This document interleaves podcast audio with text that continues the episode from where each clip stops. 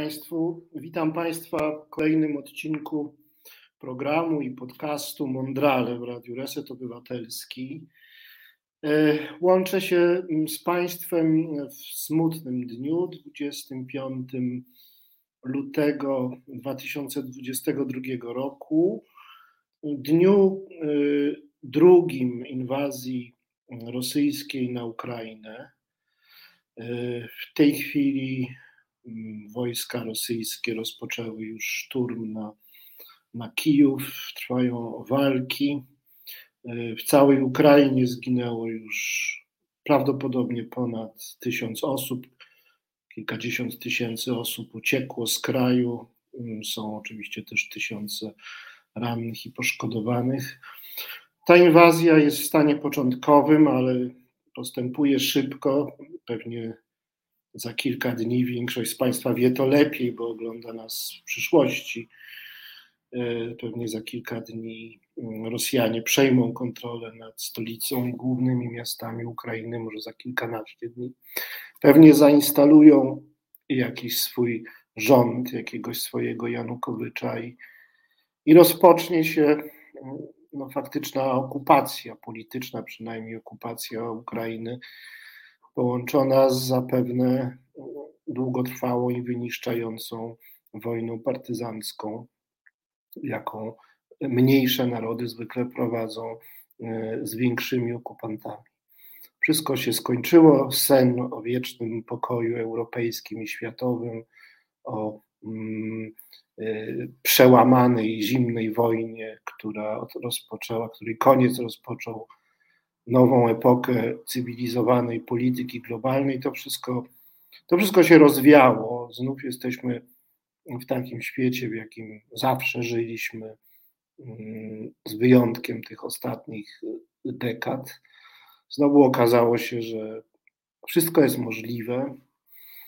Znowu mamy kolejne nieszczęście, dopiero co pandemia, która zresztą się jeszcze nie skończyła, teraz wojna nad naszą granicą właściwie. E, to stawia nas wszystkich w zupełnie nowym położeniu. Mm, e, wojna na Ukrainie, jakkolwiek się potoczy, mm, zmienia na bardzo długo wszystko mm, i zmienia całkowicie relacje między Wschodem i Zachodem, między Rosją i Zachodem i szerzej między światem zachodnim i niezachodnim a Polska staje się krajem przyfrontowym i wszelka pomoc, która będzie udzielana Ukraińcom, jakoś będzie związana z terytorium Polski, z, z mm, polskimi instytucjami i Polakami, więc siłą rzeczy wkrótce staniemy się w oczach Rosji i być może też wielu Rosjan społeczeństwem i krajem wrogim, i z pewnością nasze bezpieczeństwo i nasze utrwalone poczucie bezpieczeństwa już e, odeszło w przeszłość. Wchodzimy w inną epokę. Mówię, niezależnie od tego, co będzie się działo w najbliższych dniach jak gwałtowna będzie ta inwazja, e, zmieniło się już wszystko. Patrzymy z dnia na dzień, e, jak reaguje Zachód. Z początku wydawało się, że bardzo jednoznacznie. Dziś wiadomości są znacznie mniej optymistyczne. Mm, różne kraje mają jakieś swoje wątpliwości co do, co do zakresu sankcji.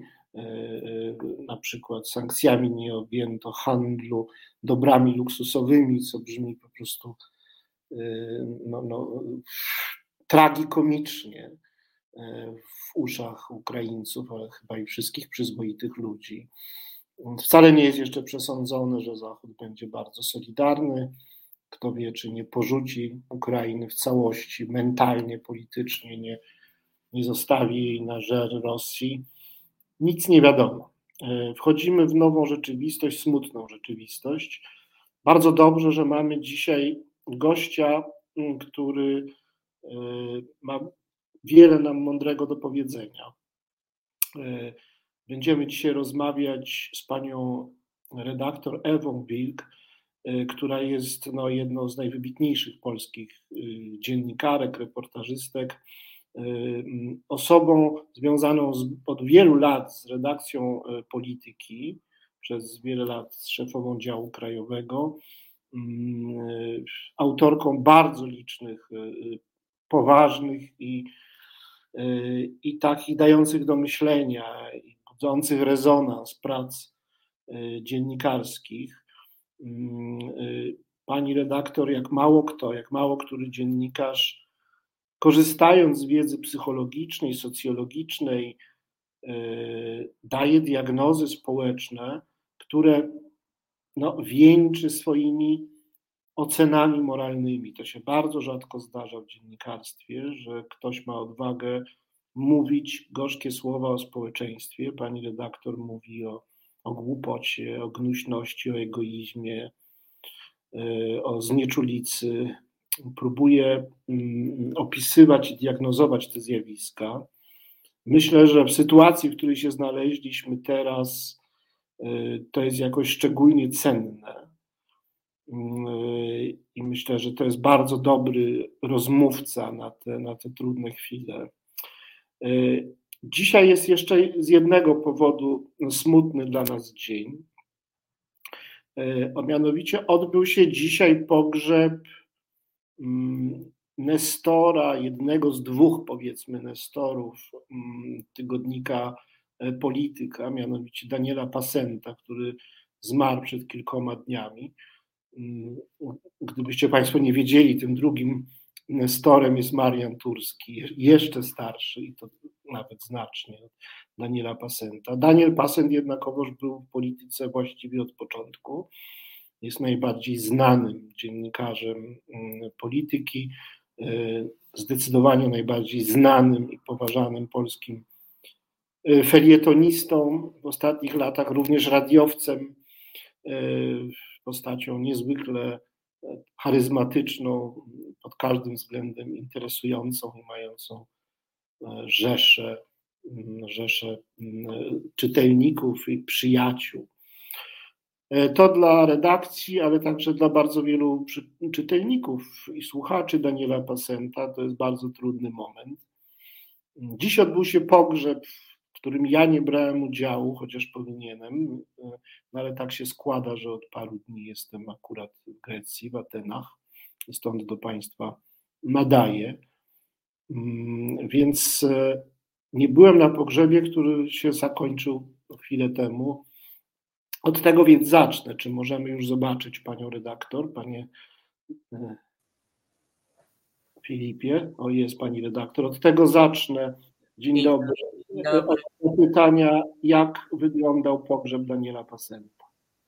No, wprawił mnie Pan w zakłopotanie już takim e, bardzo uroczystym przedstawieniem mnie, bo cóż ja jestem w polityce lat dwadzieścia kilka, a e, Daniel Passent i Marian Turski, który przepięknie przemówił mm, przy jego prochach, przepięknie, jak zwykle Marian. Marian przyjmował w ogóle Daniela Passenta do pracy, tak? Taki to był układ i do dzisiaj, mimo już 96 lat, jest całkowicie sprawnym e, redaktorem i kierownikiem działu historycznego. Natomiast no oczywiście to e, wobec Daniela Pasenta czuję się jak no, ciągle uczennica, adeptka tego zawodu, mimo że wiek już emerytalny i tak dalej. E, jego osiągnięcia w porównaniu z moją pisaniną wydają się no bo w ogóle to nieporównywalne. To, to rzeczywiście był i filar polityki. Jerzy Baczyński powiedział, że polityka to Daniel Passent, a Daniel Passent to polityka, bo też jego przywiązanie, jego niesłychana lojalność wobec tego tytułu, jego powroty, odwroty i tak dalej, bo nie był to mm, taki nieskomplikowany życiorys i polityczny, i publicystyczny i tak dalej. By, bywał skomplikowany no ale zawsze wracał jak do domu, do tej polityki. Pogrzeb był bardzo. E, to, to nie była jakaś taka bardzo ludna uroczystość, niekiedy zamieniająca się w jakieś manifestacje, wiadomo jak jest z pogrzebami. Była raczej kameralna, widać było i współpracowników, mnóstwo dziennikarzy, satyryków, artystów i tak dalej. No oczywiście liczne grono z polityki ale też i charakter tych przemówień, które wygłoszano, kierował uwagę w inną stronę. Y, stronę jego jako osoby, jak powiedziano, osoby z niezwykłą klasą, kulturą i osoby prowadzącej dom i rodzinę, że to była wartość pierwszorzędna w jego życiu i okazała się jakby najcenniejsza. Tam były oczywiście i wnuki, i córka, i pasierb, no i żona Marta i tak dalej, i że ten dom to również było miejsce spotkań niesłychanych takich towarzyskich, bardzo płodnych, bardzo serdecznych i tak dalej. Także zaskakująco, bo wydawało mi się po pierwszych reakcjach na na, na odejście Daniela Pasenta, że właśnie będzie to jakieś, jakaś manifestacja no, ludzi wyznających podobne poglądy, jego fanów, e, jego niezwykłego pióra, talentu i tak dalej. Była to kameralna, przyjacielsko-rodzinna uroczystość pod silnym znakiem tego, co dzieje się na Ukrainie, bo jak Jurek Baczyński właśnie trafnie zauważył, jakaś ponura klamra zapięła życie pana Daniela. On się urodził w Stanisławowie rok przed bombardowaniami, a pogrzeb y, odbył się no, kilka dni po ponownych bombardowaniach.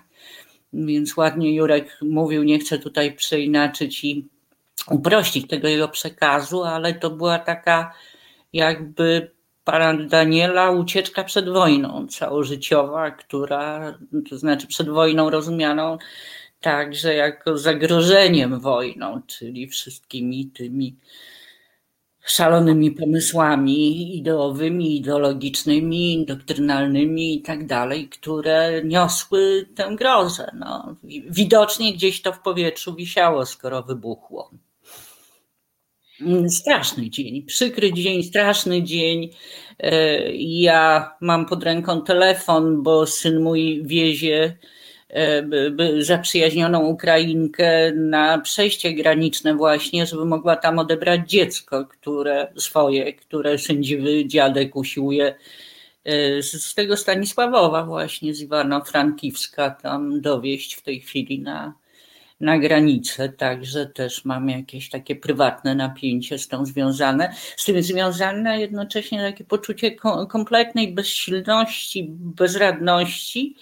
I nawet to już panu mówiłam, że tak od rana obudziłam się z tą perspektywą tego programu. Człowiek ma taką potrzebę dzielenia się no, swoimi przeżyciami i myślami z innymi ale też jakbym nie miała raptem nic do powiedzenia, bo nie znam się o, na rakietach zupełnie i widzę tylko, że one walą po prostu w domy z wielkiej płyty, takie jak mam za oknem i że to jest straszne i że wszystko co do tej pory, tak pięknie Pan powiedział o tych moich pomysłach właśnie socjologiczno-psychologicznych i tak dalej, to mnie rzeczywiście frapuje od zawsze. E, takie zrobiło się potwornie nieaktualne, takie nieprzystające do, do tej dzisiejszej rzeczywistości. Mam takie poczucie, może trochę parafrazując Fukuyamę, końca naszej historii, takiej pokoleniowej też, no, te, te, tego, cośmy wymarzyli, zaprojektowali, realizowali, chcieli zostawić swoim dzieciom, ale ta historia się jakby kończy, no właśnie kończy. Rzeczywiście, Rzeczywiście jak, jakieś łudzenia się skończyły. Y, słyszę pogłos, mam nadzieję, że już teraz go nie będzie. E, I mam też, podzielam to uczucie pewnej bezradności czy nieadekwatności, jak to mówią psychologowie, takiego bycia nie na miejscu, bo po pierwsze, dlatego, że no, nie wiemy jeszcze, co możemy zrobić dobrego. Możemy gdzieś płacić pieniądze, to jest zawsze możliwe. Możemy sobie coś żółto-niebieskiego przypiąć. Jako medium możemy puścić hymn ukraiński, tak jak to my zrobiliśmy, ale to wszystko jest dosyć mało. Pewnie wielu z nas będzie mogło coś zrobić, coś więcej, na przykład przyjąć jakąś, jakieś dziecko czy, czy jakąś rodzinę ale to nie zmienia faktu, że jesteśmy bezsilni w tym podstawowym znaczeniu, że sile fizycznej przeciwstawiamy mm, zaledwie siłę moralną, czyli tą siłę bezsilnych. I, i to jest zawsze za mało. I pozostawia nas z uczuciem jakiejś bezradności, a my, którzy paramy się pisaniem, jesteśmy jeszcze o tyle trudniejszej sytuacji, że nasze słowa zawsze są trochę zbędne, bo jakby słowa nie załatwiają żadnej sprawy, wypełniają jakieś kolumny, jakby, jakby odzywamy się nieproszeni mówiąc o innej kwestii, jakimkolwiek, jakikolwiek inny temat niż ten, który teraz nas zajmuje, jakby zdradzamy chwilę, bo, bo przecież należy mówić o tym, co teraz najważniejsze. A o tym, co najważniejsze, niewiele ma, nie mamy na tyle dużo do powiedzenia, żeby się w ogóle wypowiadać, a przecież nasz zawód jest taki, że musimy pisać. Każdy z nas musi pewnie kilka razy ja w każdym razie kilka razy w tygodniu coś opublikować. To jest rzeczywiście trudna psychologicznie i zawodowo nie, niezręczna bardzo sytuacja, ale mimo to no musimy jej sprostać, po prostu musimy jej sprostać. Zmieniło się, czasy się zmieniły. My, którzy ewentualnie jeszcze pamiętamy jakieś gorsze czasy, a y, starsze pokolenia te gorsze czasy pamiętają już mało kto pamięta wojnę, ale są tacy, którzy pamiętają no, zimną wojnę, powiedzmy, i, i czasy komunistyczne. Może my może mamy troszeczkę więcej jakoś siły czy świadomości, może powinniśmy e, e, przejąć taką rolę, mm, no, y, taką rolę psychologiczną tych, którzy nadają ton e, nowemu dyskursowi, nowej codzienności e, z, z, wojną za granicą. I w związku z tym chciałem zapytać Panią właśnie, jako pierwsze to pytanie zadać, czy my się możemy uchronić przed takim najbanalniejszym na świecie przyzwyczajeniem? No bo cokolwiek się dzieje, nawet jak jest okupacja, to po pewnym czasie ludzie się przyzwyczajają, życie toczy się w nowych warunkach dalej i to przyzwyczajenie jest bardzo podstępne, no bo źli ludzie się do tego, z tego przyzwyczajenia korzystają. Mm. korzysta z tego, że się przyzwyczajimy e, w Europie i w Polsce, a i na Ukrainie do pewnego stopnia do tego, że jest wojna. I chciałem zapytać właśnie, czy, czy, czy to naturalne przyzwyczajenie, przystosowanie do nowych warunków zawsze musi być oportunizmem, znieczuleniem, czy też widzi Pani taką szansę, że my będziemy wprawdzie przyzwyczajeni, ale w tym sensie, że się nauczymy żyć w nowych warunkach, obniżonym bezpieczeństwie, z pewnymi problemami, które przyjdą, uchodźcy, wzrost cen i tak dalej, ale mimo tego, tej, tej nowej jakiejś no, nowej codzienności, nowej rzeczywistości społeczno-politycznej, zachowamy jakąś powagę, jakąś wrażliwość moralną, a przede wszystkim jakąś zdolność do aktywności. Ja się strasznie boję tych karuzel, no bo strasznie się boję, że te dyskoteki i to wszystko będzie działało jak zawsze i reklamy w radiu i wszystko będzie cool i w zasadzie nawet już te komunikaty o sytuacji na Ukrainie za, za 2-3 tygodnie spadną z pierwszych stron. Gdzieś tam ludzie będą ginąć, ktoś może nie będzie miał co jeść, e, będą gdzieś e, szły tłumy uchodźców, ale no, przyzwyczajimy się. Pani redaktor, jak pani to widzi? Czy jest tak, czy my mamy szansę właśnie teraz, w tych tygodniach, przez to jak teraz reagujemy, stworzyć jakąś taką e, godną, godną i, i sprawczą e, e, nową codzienność e, w nowej sytuacji. Znaczy, no, odpowiem pytaniem na, na, na, na, pytanie, to znaczy my, czyli kto? Bo mamy za sobą dwa bardzo poważne doświadczenia, właściwie takie wymuszone eksperymenty społeczne na ogromną skalę i one powinny dać nam do myślenia. Pierwsza historia to jest oczywiście COVID i to, jak zachowywało się nasze społeczeństwo wobec tego no, zagrożenia, właśnie bezpośrednio skierowanego przy, przeciwko naszemu zdrowiu i, i życiu. A druga sprawa, znacznie bardziej ponura i i znacznie jeszcze smutniejszy chyba obraz tego społeczeństwa dający, to jest y, sprawa uchodźców y, przepychanych przez białorusko-polską granicę i tego, jak to szybko spowszedniało. Jak zeszło też y, szybko złamów mediów, gazet i tak dalej. Ja, jako długoletnia redaktorka, wiem dużo o tym, jak wygląda kuchnia mediów współczesnych, tak mi się wydaje, i to jest niesłychany nacisk y, wydarzeń, które natychmiast spychają wydarzenia, które jeszcze wczoraj były na pierwszych stronach, czy czołówkami w serwisach, czy, czy zajęciem dla publicystów y, i tak dalej. One stają się kompletnie nieaktualne.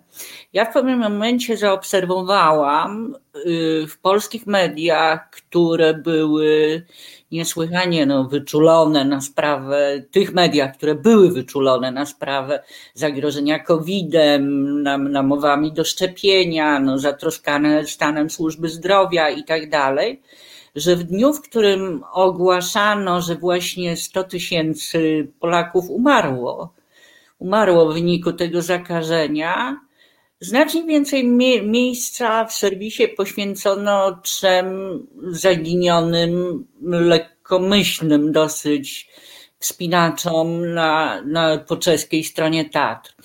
E, także to o mediach tyle, żeby nie, nie zaczynać od razu od łomotów społeczeństwa, tylko od kamyczków do własnego ogródka. E, myślę, że to się e, znuży znużą się te informacje, te obrazki, które są powtarzane. Już widać, że ludzie zaczynają stosować no, taką strategię obronną przed tym, że wyłączają, nie mogą patrzeć. To kobiety, z którymi na przykład dzisiaj rozmawiałam, oczywiście z takiego sąsiedzkiego, towarzyskiego otoczenia, E, mężczyźni typu taksówkarz natomiast reagują, no jeszcze tam się nic nie dzieje, po co tutaj ludzie tak, no nikt nie umie we współczesnym świecie walczyć i tak dalej, no wiadomo. E, ja, ja, jakieś takie właśnie Mało empatyczne są te nastroje. No, ja nie, nie, nie, nie, nie chcę być y, zrozumiana jako taka krytyczka, no jak tak czasami właśnie coś ocenię bardzo surowo i tak dalej w tym społeczeństwie, to no, mam odpowiedź też taką, a kto dał pani prawo, tak, a kim jest pani wilk, że ocenia i tak dalej. Natomiast no, staram się jako dziennikarka, już mniej reporterka, bardziej no, taka analityczka, yy, patrzeć, słuchać, używać ciągle tego warsztatu reporterskiego, tak? Patrzeć, co, jak ludzie reagują.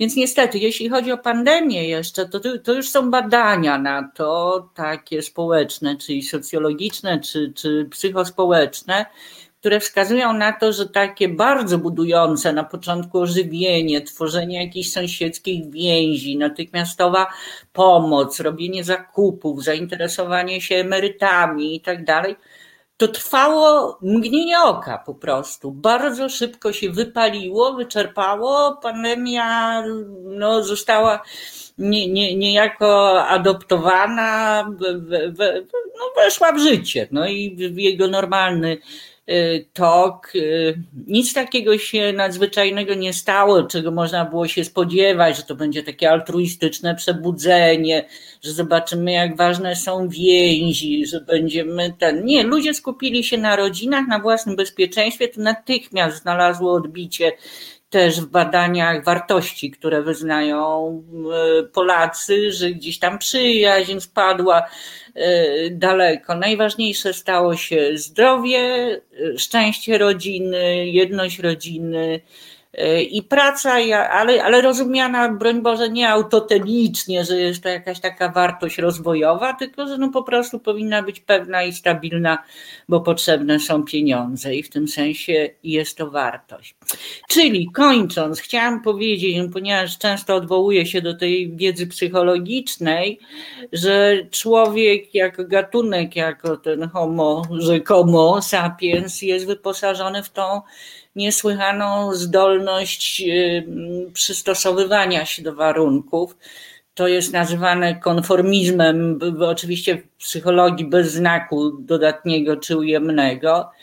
I to pozwala naszemu gatunkowi no, przystosowywać się nieustannie do zmieniających się warunków, żyć, przeżywać, trwać, przekazywać geny następnym pokoleniom. Mm, także na razie nie widzę tutaj takiej perspektywy, takiego przebudzenia. Zresztą nie wiem jak w Atenach.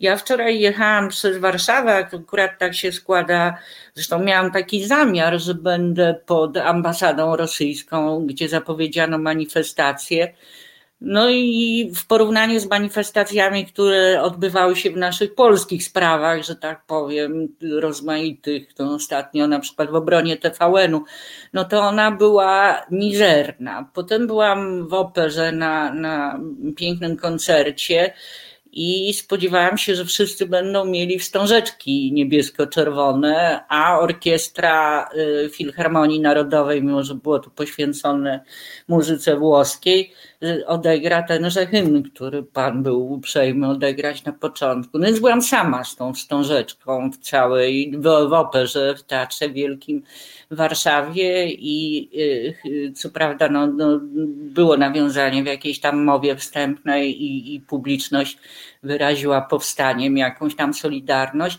ale to jest y, skromniutki efekt. Tak jak właśnie dzisiaj przechadzałam się po ulicach, po centrum, po tym, nie, nie, nie, nie widać w Polakach takiego, nie, nie wiem, tu pewnie wymaga też jakiejś głębszej analizy no, tego resentymentu do, do, do Ukraińców, do tych wszystkich rzezi wołyńskich i tak dalej, przecież to, to, to nie umarło w naszym narodzie ale ja nie widzę takiego poruszenia, którego bym się spodziewała, tak, że jesteśmy, jesteśmy tacy sami, jak powiedziałabym, wielkie mocarstwa. No, niezadowoleni, ale na razie umiarkowanie, nasze restrykcje moralne, że tak powiem, są równie umiarkowane jak restrykcje wielkich tego świata, tak. No. Tak, tak, tak, to widzę. No, smutny to obraz, ale jakoś nie, nie, nie umiem zdobyć się na optymizm no, w tym wszystkim. Bałagan jest też, no, no, wczoraj jestem zaangażowana w te dzieci, które trzeba przecież tu pościągać no, do, do tych tysięcy Ukrainek, które szorują te nasze podłogi. No, no to jest straszne. No, jako matka, babcia i tak dalej, usiłuję sobie wyobrazić tę sytuację, kiedy tam lecą rakiety, no a, a ty nie masz tego dziecka. Nie wiem, co na tej granicy się dzieje, ale ale no, zobaczymy, może, mo, może za kilka dni, jak większej słuchaczy, jak Pan mówi, dopiero dotrze do, do tego naszego nagrania, będzie miał jakiś jaśniejszy obraz, może rzeczywiście ruszy ta samoorganizacja taka naszego społeczeństwa. No przecież gdzieś to, to, nie, to nie będą szli dorośli mężczyźni gotowi do pracy na budowach, tylko starcy, kobiety, niezliczone dzieci, które trzeba będzie polokować w szkołach, a które do tej pory, wczoraj mi znajoma opowiadała, bo, bo, bo tam właśnie ma taką sytuację, no, przez nasze dzieci wyzywane są od Rusków tak, w szkole i, i, i świadomość tego, co to jest Ukraina, co to jest Rosja i tak dalej, jest, jest jakaś taka no, mizerna, bym powiedziała. Także martwię się bardzo. Jestem bardziej zmartwiona niż, niż chyba kiedykolwiek w ostatnich latach. Ja również się martwię. Trafiło to, gdy chodzi o naszą perspektywę polską, no na taki rząd, jaki, jaki mamy poza wszystkim e, sytuacja kryzysowa zawsze jakoś działa konsolidująco i utrwalająco na władzę taka, jaką ona jest. Więc mm. myślę z, no, z ogromną przykrością o tym, że z punktu widzenia e, reżimu pisowskiego ta, ta sytuacja jest korzystna, po prostu pozwala im dłużej przetrwać. Chociaż to jest no, oczywiście marginalna może sprawa, ale nie dla nas. No ale jak widzieliśmy w mailach, oni gotowi są w takich tragediach widzieć polityczne złoto. Koniec. No właśnie, więc pewnie to złoto otrzymają, ono jest pewnie dla nich mhm. bardzo realne. Cynizm tej władzy doszedł do apogeum właśnie, e, jak widzieliśmy to w mailach Dworczyka, e, w czasie epidemii, e, gdy w sposób jednoznaczny rząd odsuwał od siebie podstawową zasadę ratowania życia czy unikania zgonów, których można uniknąć, i mhm. podejmował decyzje wizerunkowe, kierując się własną popularnością i korzyściami wyborczymi, świadomie kosztem tysięcy ludzi, których można by uratować, stosując analogiczne restrykcje i reżim sanitarny, który zastosowano w całej Europie, który na przykład tutaj teraz w Grecji dalej panuje. E, to jest zbrodnicze, to jest przerażające, ale nikt tego właściwie nie zauważa. Społeczeństwo bynajmniej nie poczuło się e, oburzone, zaatakowane przez, przez cyniczny rząd, który świadomie nie robi wszystkiego, co można, aby ratować tysiące ludzi, lecz podejmuje decyzje, których efektem będzie śmierć większej liczby ludzi, niż byłoby to możliwe w przeciwnym wypadku. Y, te względy zupełnie społeczeństwa nie poruszają. Najwyraźniej ludzie myślą wyłącznie w kategoriach indywidualnych, y, jak pani sama powiedziała, rodzinnych E, i odmawiają przyjmowania jakiejś perspektywy publicznej, a już taki abstrakt jak e, zasada nadrzędna unikania zgonów, których można uniknąć, czyli zasada ratowania życia, to mhm. się w ogóle do, do, do myślenia społecznego nie przybija. I obawiam się, że gdy chodzi o wojnę, również e, żadna mobilizacja społeczna o charakterze moralnym mhm. nie nastąpi, E, bo chyba, to jest moja taka hipoteza, tego rodzaju mobilizacje występują wtedy, kiedy istnieje jakiś bardzo realny konflikt kulturowy. Na przykład rodzi się nowy naród, tak jak w przypadku Ukraińców. I on mm. musi się urodzić we krwi, bo Ukraińcy się muszą zdefiniować e, wobec Rosjan, i to jest konflikt, który musiał kiedyś wybuchnąć. I dla nich to jest sprawa duchowa, narodowa. To, to się gdzieś mieści w takim imaginarium duchowym, które y, y, ma w sobie jakąś wzniosłość. E, dla Ukraińców jest to mm, sprawa bytu narodowego, to są przeżycia z y, takiego poziomu historiozoficznego kulturowego, a dla innych już nie. E, myśmy przeżywali wzmożenie społeczne o takim no, nieegoistycznym z grubsza charakterze e, wspólnotowe w roku 80 i 81. Potem troszeczkę jeszcze w 89. Potem już nie. E, zdarzały się w historii Europy sytuacje, że takie, że e, ludzie z całego kontynentu zjeżdżali się wojować, tak na, przykład w Hiszpanii, także w Grecji. W Grecji. Mm. Właśnie, ale dlaczego? Bo to była jakaś wielka idea. Nie chodziło o konflikt lokalny, tylko chodziło o jakąś zasadniczą ideę kulturową. Teraz takiej sytuacji nie mamy. Dla świata zewnętrznego to jest mniej więcej tak, że jacyś Ruscy się wzięli za łby, tłuką się jakieś plemiona pokrewne, których my nie bardzo odróżniamy. To jest wielkie, to jest straszna niesprawiedliwość, że myśmy się nie nauczyli wszyscy, że istnieje Ukraina, że istnieje naród ukraiński e, i on jest inny niż rosyjski e, i że ta Ukraina ma prawo do istnienia. Myśmy tego wszystkiego, my, to znaczy jako społeczność międzynarodowa do końca tego sobie nie przyswoili. Jak teraz możemy się cofnąć o parę kroków w tył, bo mamy okazję, a no bo tam się znowu tłuką, nie będziemy się w to wtrącać, to my chyba z tej okazji skorzystamy.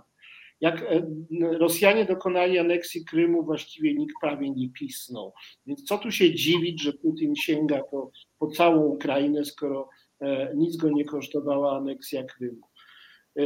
Czy pani sądzi, że, że, że jest szansa, że my będziemy tym razem jednak jakoś poważniejsi w tym wszystkim, że to, co jest teraz jakąś mobilizacją e, taką ad hoc, że trzeba komuś pomóc, znajomemu Ukraińcowi, e, jakąś zbiórki pieniędzy, zbiórki rzeczy, e, no takie działania, które są teraz podejmowane, że to będzie jakieś mm, podłoże dla bardziej trwałych procesów, i bardziej trwałych form zorganizowanej pomocy i że nie wiem, może ma, widzi Pani szansę, że my z tego odrażającego jednak e, e, egocentryzmu, narcyzmu, w którym e, nauczyliśmy się żyć w ostatnich dekadach, a może zawsze żyliśmy, to też jest pytanie, że my do jakiegoś moralnego, jakiś moralny awans przeżyjemy, że, że elity, które się teraz, nie tylko elity, ludzie zaangażowani, których będzie dużo, wiele, wiele tysięcy, że one nadadzą jakiś impuls, który się rozejdzie e, w, w, no, w szerokich kręgach społeczeństwa. Czy też jest Pani pesymistką i uważa Pani, że no, no takie czasy, ludzie tacy są, i na to nie ma żadnej rady. Niektórzy będą się angażować, ale 90% nie i populiści zawsze będą to wykorzystywać i no, no, no świat będzie o, o, to właśnie gorszy, czego nie mogą, nie zrobią, bo nie chcą, bo mają wszystko w nosie.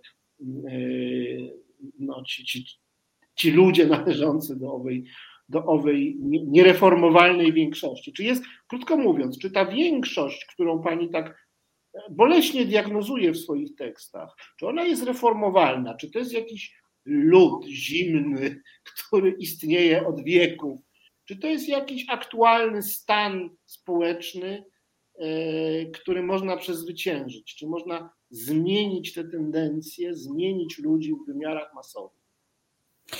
Znaczy, ja nauczyłam się mm, przez lata, czy może raczej oduczyłam się zbyt daleko idących uogólnień.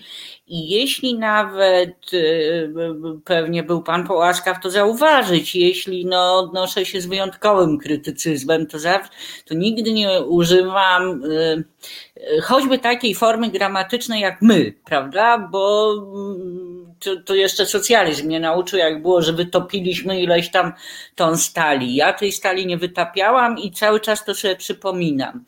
Także takie szerokie kwantyfikatory, że my Polacy, polskie społeczeństwo i tak dalej, staram się bardzo y, tego unikać, bo to jest, nie jest to prawda. Będzie tak i tak będzie na pewno ogromna grupa ludzi, którzy pozostaną no, tacy y, zimni y, wobec tej historii, która toczy się za miedzą, tak, y, ale liczę, ogromnie liczę na to, że jednak ta kolejna próba, no zrób coś człowieku, zrób coś, patrz co się dzieje, tak, e, że po covidzie, po granicy, no gdzieśmy tam no jakieś buty może przekazali, część pojechała, część dziennikarzy próbowała się nawet jakoś tam wedrzeć, przedrzeć przez tę granicę, no ale w końcu trochę, trochę i, i ta bardziej wrażliwa część y, społeczeństwa, czy najwrażliwsza, też machnęła ręką, że tym razem nie, powiemy już sobie nie, to trzeba wziąć w nasze ręce. Tego nie można tak zostawiać. Od ośmiu lat jesteśmy poniewierani właśnie tymi kłamstwami, tą, tą żenującą y, polityką y, całej tej centroprawicy. No przede wszystkim tym kłamstwem, które stało się narzędziem uprawiania polityki. No wie pan, no, no, no, no ja nie wierzę już w żadne słowo Morawieckiego, no bo ja nie, nie, nie wiem, czy ten człowiek jest po prostu w ogóle chwilami choć prawdomówny, no, czy nawet kłamie wtedy, kiedy nie musi kłamać. No w każdym razie jesteśmy w to wszystko uwikłani i bardzo liczę, bardzo liczę na to, że Putin naprawdę, on w tej chwili naprawdę sparaliżował, bo on nastraszył zdrowo cały świat. On expressis verbis powiedział, że jak ktokolwiek ruszy palcem, to on przyłoży i to naprawdę to jak w takim starym dowcipie. On może przyłożyć, no znamy go. Natomiast y, ja liczę na to, tak, tak, że to już no, do trzech razy sztuka, jeśli mówić o pandemii, o jak mówię, tej y, potwornej historii granicznej i teraz tej wojnie tuż za granicą, że to będzie ta trzecia rzecz, która przesądzi polskie społeczeństwo, przepraszam, ale to są dane statystyczne, więc inaczej nie mogę, jest jednym z najmniej zaangażowanych w wolontariat i jakąkolwiek właściwie działalność e, e, społeczną, polityczną, kulturalną.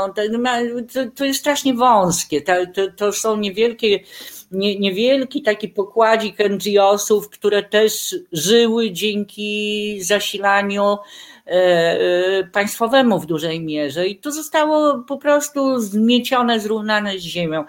I ja myślę, że my sobie w tej chwili musimy to uświadomić, że bez takiego prawdziwego ruchu obywatelskiego, nie tylko tych wstążeczek, których mi jednak brakuje, ale, ale rzeczywiście takiego stałego, trwałego zaangażowania, no po prostu skażemy ten świat na zagładę. I ja widzę bardzo wiele pozytywnych. Mm, odruchów w młodym pokoleniu, zawsze to naj, najmłodsze pokolenia miały jakąś swoją awangardę, tak? I ona w tej chwili jest wyraźna, to jest wielkomiejska, wiadomo i tak dalej. I, o, I tutaj taka postawa empatii i odpowiedzialności jest bardzo silna. To znaczy, to się zaczęło od ekologii, to jest taki pewien pakiet, że tak, że, że też jak były, to, to Julia Przyłębska wprowadzała te straszne przepisy aborcyjne, to, to, to natychmiast Żoliborz ruszył, tak? bo to jest takie symboliczne w Warszawie, że tam sporo tej młodej takiej postinteligencji mieszka. I to jest pewien styl życia ekologiczny, oszczędny, powiedziałabym nawet w pewnym sensie minimalistyczny, y, że to jest już inny stosunek do pracy i do kariery, mniej żarłoczny, bo też mniej tych dóbr potrzeba. I jest w tym pakiecie takim awangardowym, młodzieżowym, e, że tak powiem, na, na, na, na pewno e, będzie to zaangażowanie po stronie Ukrainy, sprzeciw, sprzeciw wobec wojny, sprzeciw wobec zbrojeń, wobec no, no to było dawno. No ja jestem starą pacyfistką i zawsze mówiłam, Boże, to najważniejsze, żeby nie było wojny. No to jest. No. Mhm. Zaraz, zaraz grać, grać piosenkę. Pierwszą, pierwszą. Znowu słyszę samego siebie. E, y, po piosence chciałbym jeszcze pociągnąć ten temat y, młodzieży. E, ja również mam wrażenie, że wszystko zależy od tego, czy młodsze pokolenie zdecyduje się na pójść drogą cynizmu e, bądź zaangażowania ideowości. E, to nie jest jeszcze przesądzone. Ja mam córkę 24-letnią. Jej doświadczenie takie społeczne zaczęło się od Smoleńska. E, potem był strajk kobiet, już jako dorosła dziewczyna w tym brała udział. Potem ta straszna granica, gdzie chyba nadal jeszcze umierają y, ci uchodźcy, tylko o tym nie mówimy. Y, I y, pandemia, i teraz to, wojna na, na, na, na Ukrainie. To nie jest mały pakiet doświadczenia pokoleniowego. To nie jest jakieś mdłe doświadczenie. To jest naprawdę, jak na świat zachodni, to jest y, poważne doświadczenie pokoleniowe, y, poważny ładunek y, doświadczeń, wartości, decyzji o zaangażowaniu bądź niezaangażowaniu, które się podejmowało. Ja muszę powiedzieć, że wiążę ogromne nadzieje z tym pokoleniem, bo ich doświadczenie jest tak, tak bardzo powinno ich zniechęcać do egoizmu cynizmu e, e, i małoduszności, e, że mam nadzieję, że większość nie pójdzie tą drogą. Jakkolwiek, ja tu jestem tak dziwnie w tej Grecji teraz, ja tu nie widzę nic, nic, zero. Jak wyszli wczoraj Ukraińcy demonstrować, śpiewali swój hymn, było ich stu, może sto osób się interesowało, tysiące przechodziły obok zupełnie, zupełnie to ich nie, nie obchodziło, również tych młodych ludzi. To było bardzo, bardzo smutne. A to, co do mnie dociera z Warszawy, to głównie są lęki, czy Ruscy nie wejdą do nas. Jakby to jest pierwsza emocja. Czy oni nie przyjdą też do nas. Więc na razie wygląda to, to źle. Zaraz jeszcze o młodzieży porozmawiamy, ale teraz pierwszy przerywnik. Reset Obywatelski działa dzięki Twojemu wsparciu. Znajdź nas na zrzutka.pl. Drodzy Państwo, y, witam w drugiej części dzisiejszego programu Mondrale w Radiu Reset Obywatelski. Może to nie jest dobry dzień, żeby prosić o datki na, na radio, ale myślę, że nasze, mówię to w ciemno, bo nie rozmawiałem z szefem, ale myślę, że Reset Obywatelski też się zaangażuje w jakieś sprawy, sprawy ukraińskie. W każdym razie jesteśmy jedną z organizacji obywatelskich, medialną, ale mam nadzieję, że nie tylko. E, proszę zobaczyć, co się dzieje na naszym portalu, proszę słuchać naszych audycji e, i jeśli to mm, możliwe, proszę też o nas pamiętać. E, nie nadajemy reklam, utrzymujemy się z Państwa datków. Dziękuję jak zawsze panu Pawłowi z Rabarbaru, który zajmuje się naszą, naszą audycją i nas sponsoruje. Gościem naszej dzisiejszej audycji jest pani redaktor Ewa Wilk z Polityki. Bardzo mm, wyjątkowa dziennikarka, reporterka, która ma odwagę pisać krytycznie, y, pisać gorzkie słowa o społeczeństwie. Mm, no i ja nie ukrywam, że właśnie dlatego e, panią redaktor zaprosiłem, że ma tę właśnie odwagę. E, przed przerwą zaczęliśmy rozmawiać o młodzieży, która moim zdaniem no jest na rozdrożu, ma kapitał bardzo poważnych doświadczeń e, pokoleniowych, formacyjnych, no i przed sobą albo wybór takiej drogi egoistycznej, konsumpcjonistycznej, albo drogi obywatelskiej zaangażowania. No i my nie wiemy oczywiście, co będzie, ale no jest, taka, jest taka godzina próby, no powiedzmy sobie szczerze, takiej szczególnej próby, bo to nie o to chodzi, kto pójdzie na wojnę, bo pewnie Polacy nie, nie wybiorą się wojować na Ukrainę, mm, ale próby w tym sensie, że jedni poczują się mm, obywatelami, poczują się ludźmi etycznymi, którzy powinni czasem coś zrobić nie dla własnej korzyści, E, a inni nie. I mam nadzieję, że przed tym wyborem stoimy, to znaczy, że ludzie sobie ten wybór uświadamiają, chociaż i może tu się mylę, ale w każdym razie, że młodzież sobie to uświadamia, że młodzi ludzie w tej chwili wiedzą, że albo będą panikować, czy przyjdą Rosjanie i dokąd to należy uciekać przed tymi Rosjanami, albo będą się zastanawiać, co ewentualnie mogliby zrobić. Jak pani sądzi, czy, czy, czy z tej próby e, młode pokolenie wyjdzie zwycięsko? Wie pan co, że ja dokładnie to pytanie tylko ze dwa tygodnie temu zadałam mądrzejszej od siebie w tej mierze osobie, profesor Krystynie Skarżyńskiej, y, nestorce też psychologii społecznej i na pewno autorytetowi w tej dziedzinie i nawet roboczo zatytułowałam, nie wiem czy taki będzie miała tytuł nasza rozmowa na łamach gazety, jeśli ona pójdzie w najbliższych dniach, e, ale, ale być czy tygodniach, ale być może pójdzie. Czerwoni, zieloni czy brunatni. I to jest e, wywiad na kanwie książki, którą zredagowała w zespole no, ponad dziesięciu badaczy społecznych, politologów, socjologów, psychologów i praktyków psychoterapii, a książka ma tytuł Polscy młodzi dorośli. Czyli jest to e, zbiór esejów e, podsumowujących badania z rozmaitych dziedzin nad pokoleniem tak e, od 19 do, do 30 lat powiedzmy. I te wnioski są nieoczywiste, ale zarówno Krystyna Skarżyńska, jak i ja skłaniamy się jednak ku optymizmowi.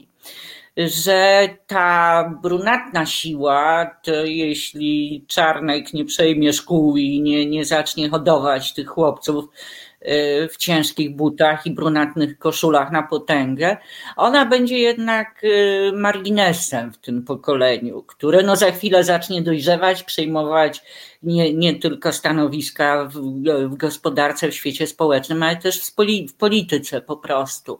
Że jednak niesłychanie silny wpływ na to młode pokolenie mają te wszystkie prospołeczne y, prądy, Ekologia to po pierwsze, to znaczy zagrożenie katastrofą klimatyczną i wszystkie ta, ta, ta, ta energetyka oparta no, na produkcji smogu poza ciepłem i elektrycznością i tak dalej. To robiło do tej pory na nich największe wrażenie. To była siła jednocząca e, i to wywoływało też zmiany w stylu życia, co jest niesłychanie ważne że no nie wiem jak pan, ale ja od swoich dzieci bardzo dużo się nauczyłam, jeśli chodzi o pakowania, o unikanie plastiku, o, wykluczenie, no te, te, te, także po prostu otaczanie się rzeczami.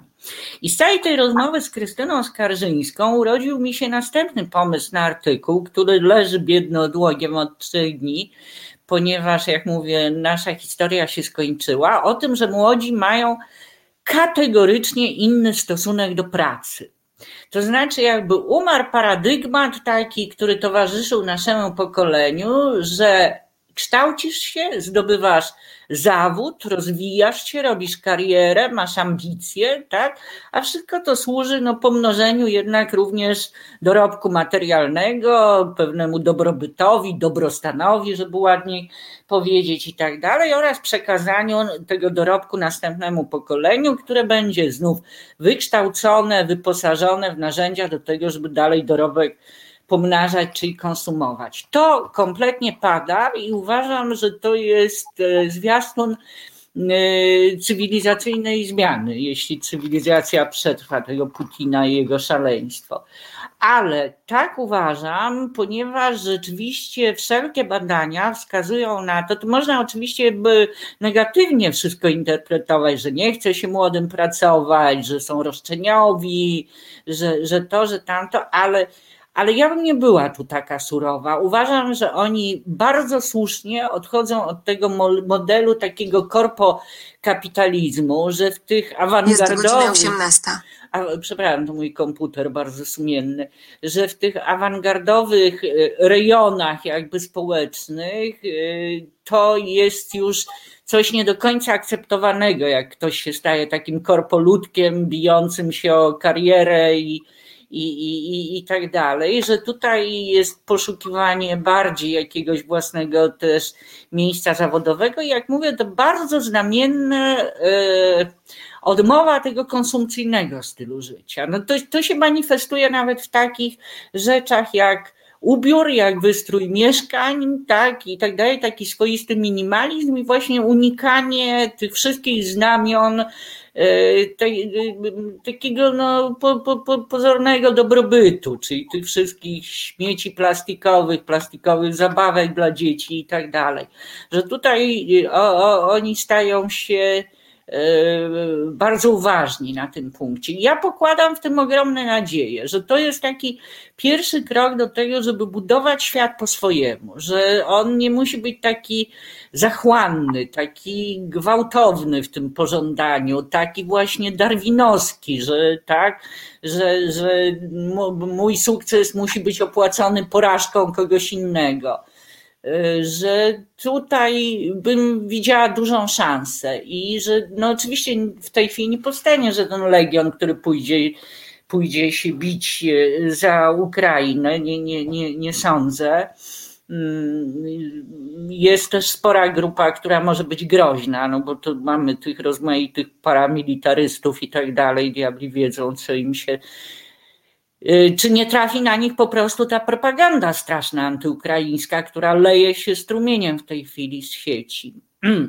I to jest pewnie no, trollowa robota, ale, ale to jest. I to, co ciekawe, to na marginesie to wa, warte odnotowania, że przeprowadzono błyskawicznie taki sondaż na rozmaitych polskich tych otwartych portalach, gdzie dopuszczalne są komentarze i wczoraj wzrosła ich liczba o 500%, co, coś takiego, przy czym 90% tych antyukraińskich i prorosyjskich komentarzy pochodziło z tych samych źródeł, z których wcześniej pod, pochodziły te bajki covidowe i antyszczepionkowe, te, te, te wszystkie teorie, więc to pewnie no, jest dość znamienne, no, nie, nie, nie będę tego zagadywać.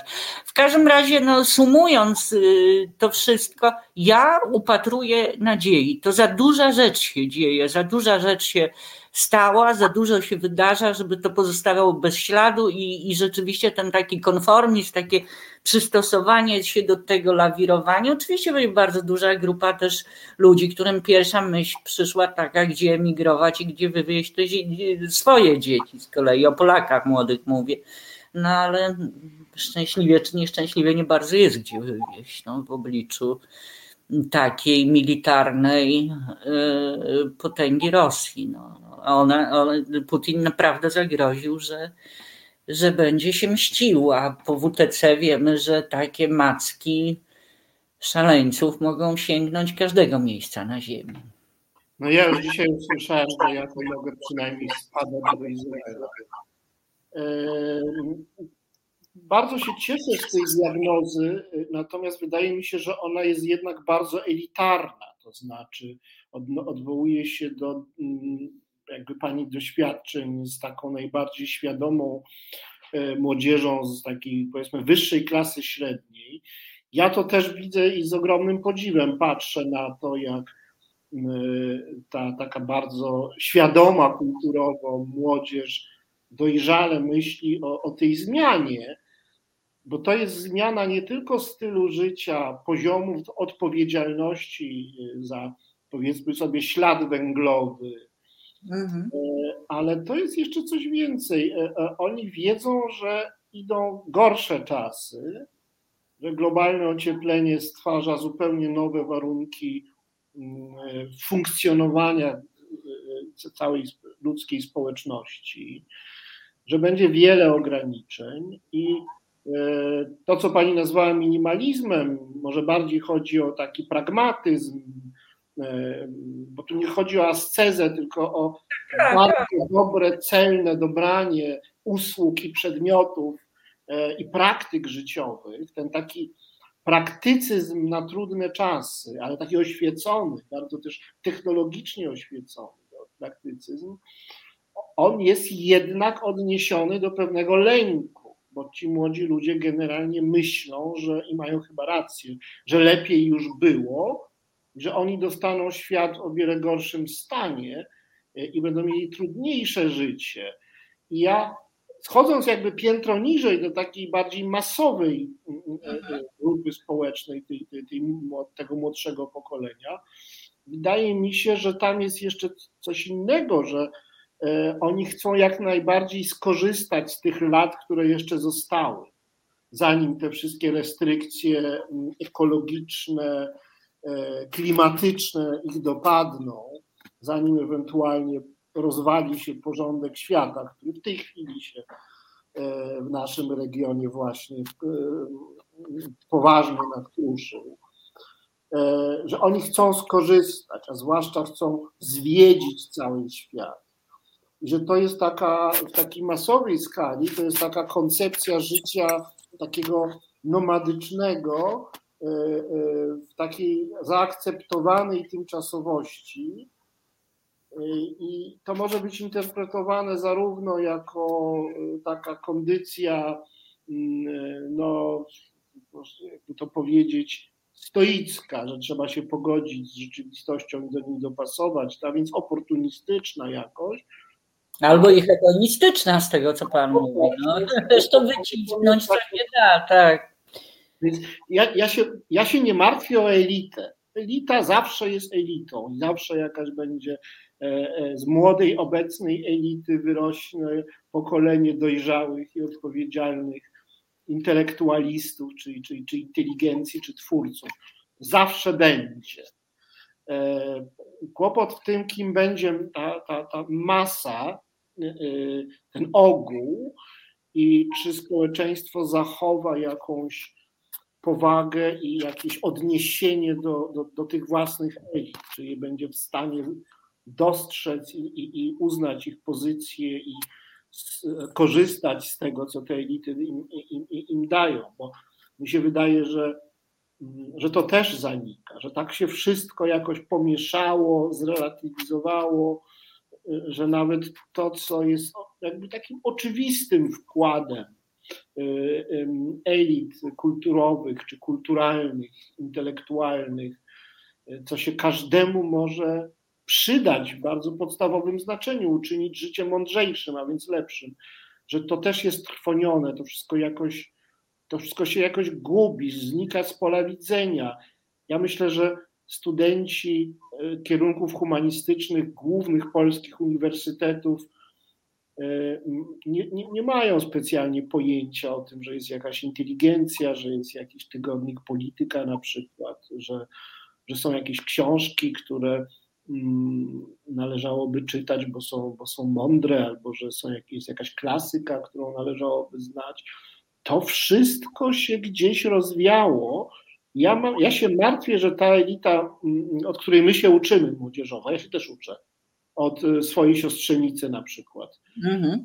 Y, y, że, że ona już nie będzie w stanie przewodzić, że, że ona nie będzie zauważana przez ogół ich rówieśników. Nie widzi Pani zagrożenia w tym e, egalitaryzmie takim demokratycznym, który zresztą no, jest przez nas popierany, ale którego ubocznym efektem jest właśnie to, że e, to, co wartościowe, trudniejsze czasem, wymagające więcej uwagi, nawet pewnej pokory, e, e, no, gubi się w, i, i, i społeczeństwo traci zdolność e, no, korzystania ze swoich własnych elit. Tak, to znaczy jedna drobna uwaga, która wcześniej mi przyszła do głowy. Ja bym tego, tej młodej warstwy, yy, tak nam się to skojarzyło szybko z tym warszawskim Żoliborzem i tak dalej, ale nie nazywała elitą młodego pokolenia, yy, tylko używam słowa awangarda w sensie też przenośnym, no, że to są, no pewnie mówiąc językiem współcześniejszym, trendseterzy, ludzie, którzy, to była zawsze funkcja elit, ale oni nie są taką pełną elitą. No, złośliwi pewnie przyczepią się, że oni sobie mogą żyć minimalistycznie i tak dalej, jak mają właśnie miękkie lądowanie zapewnione przez rodziców, nie? Takie ubezpieczającą gąbkę w sensie materialnym. No to wtedy mogą kupiony samochód, małe mieszkanie i tak dalej, wtedy mogą uprawiać minimalizm już dalej. Więc to, że, żeby nie narazić ich na, na kpiny, to jest no zawsze we wszystkich pokoleniach myśmy się też na coś stylizowali, tak? No, na, na, na, na, no, ja jeszcze tam na późnych hipisów i tak dalej, no wiadomo, że że i chodziło się w określonych ubraniach i dekorowało się i słuchało się określonej muzyki i tak dalej, bo człowiek aspirował do pewnej awangardy. Ja bym to nazywała raczej właśnie, żeby być w czołówce niż być elitą. Co do elity, mam pogląd jak najbardziej pozytywny, ponieważ wśród różnych aktywności w polityce Prowadzę też fundację, która od ponad 20 lat przyznaje stypendia młodym naukowcom. I to jest grono w tej chwili już tych naszych laureatów y, ponad 600 osób. I ja, jak stara matka, jestem z tych dzieci dumna, ponieważ są to ludzie, którzy w wieku 30 lat y, zdobywają y, tytuły profesorskie są to ludzie niesłychanie wszechstronni, bo dzisiaj nauki takiej na prawdziwie światowym poziomie nie da się uprawiać jakby przy tradycyjnym podziale na dziedziny. Oni są symultaniczni, to są nie, niebywałe zupełnie y, czasami połączenia i to jest elita. To dla mnie jest prawdziwa elita. Cała idea tych stypendiów wzięła się stąd, że to była elita przymierająca głodem i nie mieli na, na, na lodówki, bo musieli korepetycji udzielać i tak dalej. Dzisiaj no, z satysfakcją oni żyją w tym systemie grantowym międzynarodowym i tak dalej, więc nie są już tacy nędzni, nędzarzami w sensie materialnym. Natomiast rzeczywiście cały nasz plan polityki, żeby ich jakby włączyć w ten popkulturowy obieg współczesny medialny, żeby im dać e, głos, żeby ich eksponować. W pewnym momencie mieliśmy pomysł taki, no żeby laureatów, dlaczego nie dać im okładki? Tak? Pisma, które sprzedaje się no, w, w, w największym nakładzie w Polsce i tak dalej. No okazało się to przeciwskuteczne, bo co, cośmy coś takiego zrobili, to zaraz y, na miejscu ich podgryzano, kwestionowano ich, ich prawo do, y, y, do takiego gwiazdorzenia i tak dalej. No, no znajome oskarżenia. Także to jest prawdziwa elita, ona jest, Polacy, jest mnóstwo tych mądrych, zdolnych ludzi, robiących naprawdę wrażenie y, na całym świecie, pracują w, w absolutnie takich właśnie awangardowych dziedzinach i medycyny, i techniki, i technologii, i nie wiem, nanotechnologii i tak dalej. Przeważnie mało się z tego rozumie. I humaniści również, tak, tak, tu, tu, tu też nie ma nie ma biedy z, z tym sensie elitą. Tyle, że oni biedni, no, sami się trochę dyskwalifikują, bo właśnie podczas tej rozmowy z Krystyną Skarżyńską, ona mówiła o swoich własnych doświadczeniach, ona no, wykłada na kierunkach humanistycznych i społecznych ciągle i sama z ciekawością badała, e, co się dzieje z pojęciem inteligencja. I naprawdę podkreślała, że większość rozumie ją tylko w kontekście młodych ludzi, tylko w kontekście ilorazu inteligencji. Natomiast ci, którzy no tam poczytali sobie Jedlickiego czy coś takiego, to mają jak najgorsze zdanie w ogóle o inteligencji, to znaczy widzą ją jako warstwę po pierwsze antydemokratyczną, bo wywyższającą się y, nad innych, e, a po drugie wiecznie ze wszystkiego niezadowoloną, to my, pesymistyczną, mantykującą i kłócącą się wewnątrz siebie, znacznie mniej dostrzegają ten aspekt, że to jest jakiś etos właśnie taki prospołeczny, żeby nieść kaganek oświaty, no żeby być tam siłaczką czy, czy, czy czymkolwiek. Nie, to, to, to uważają, że to tylko taka poza. Także, no niestety, ja uparcie przez kilka lat walczyłam jakby o to, żeby młodzi ludzie jednak traktowali siebie jako inteligentów. Tam robiliśmy nawet panele w polityce na ten temat, ale oni chcą siebie traktować jako specjalistów, ekspertów, w danej dziedzinie, e, na, na, natomiast ten inteligent pogrzebali to. Moim zdaniem szkoda.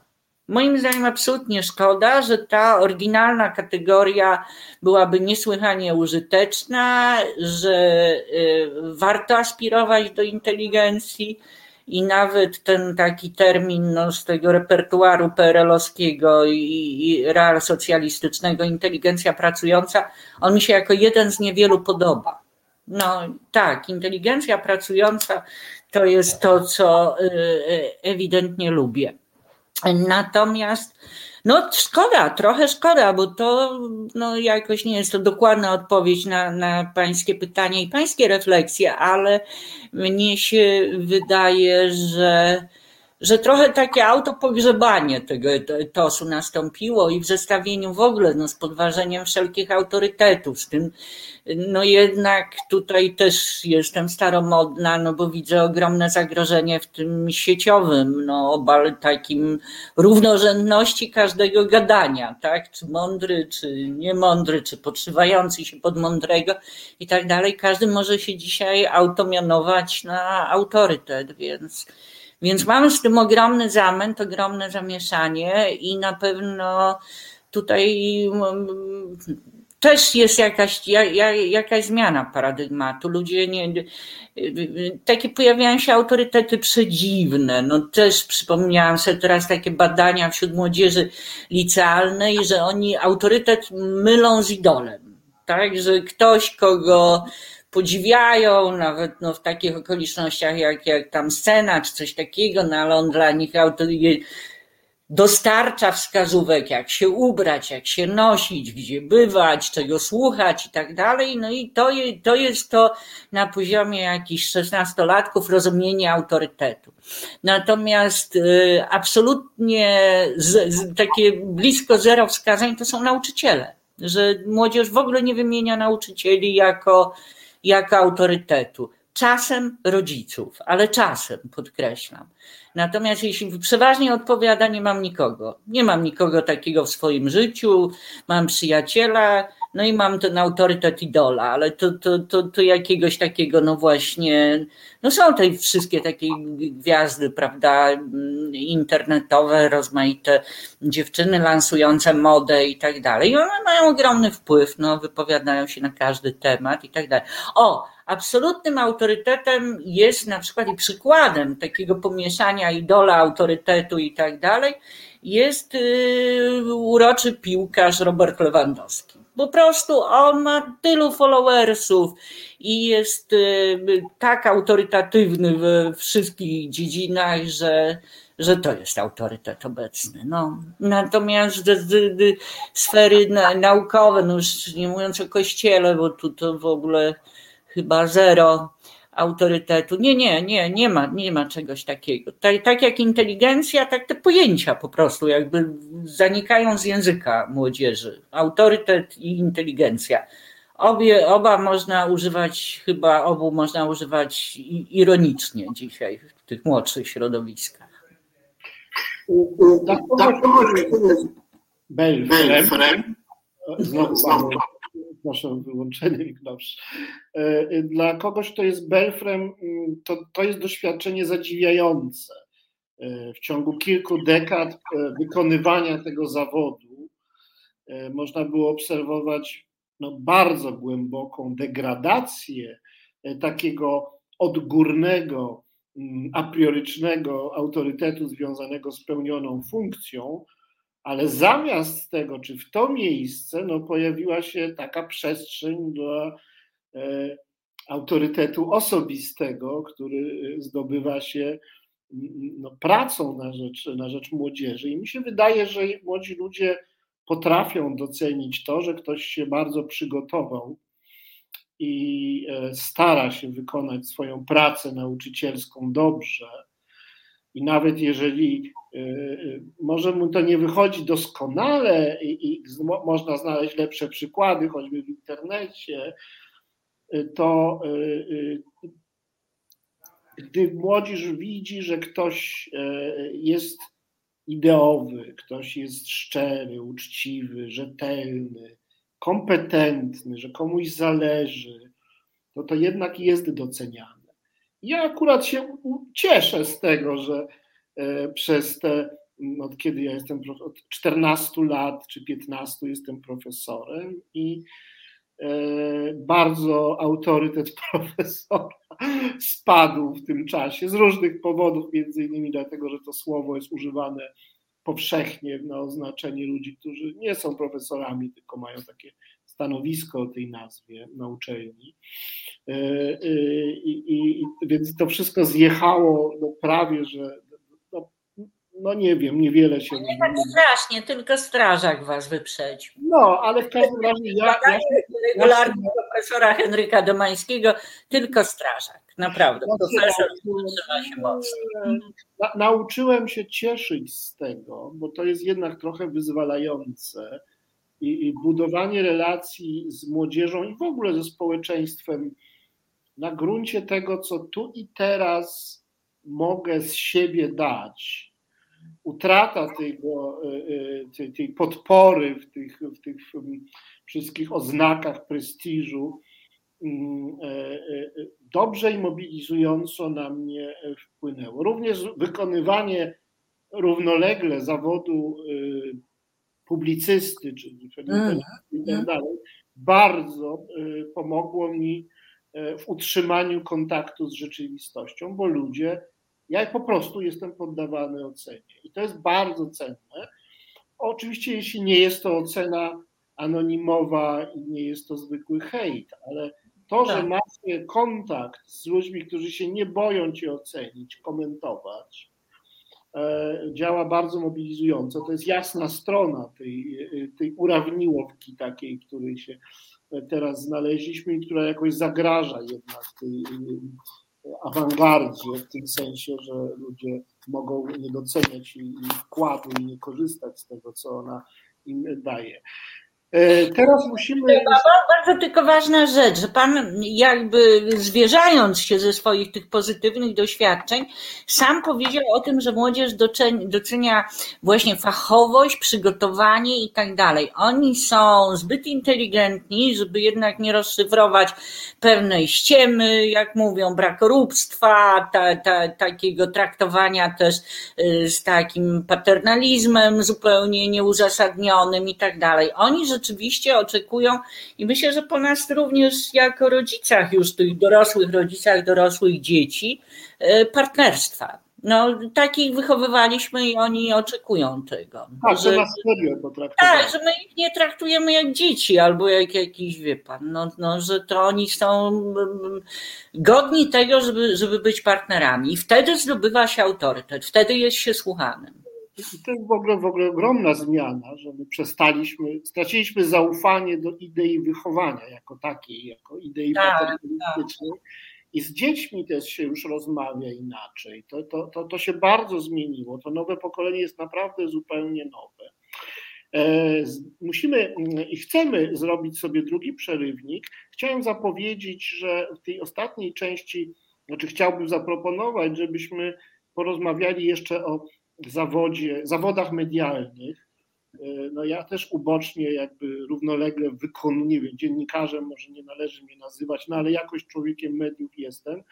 E, no i mamy jakieś kłopoty z określeniem swojej misji, e, powinności publicznej i zawodowej, bo to ten internet, bo, bo sytuacja, groza sytuacji, jest taka, że, że nasze te możliwości i te narzędzia są jakieś takie zbyt wątłe.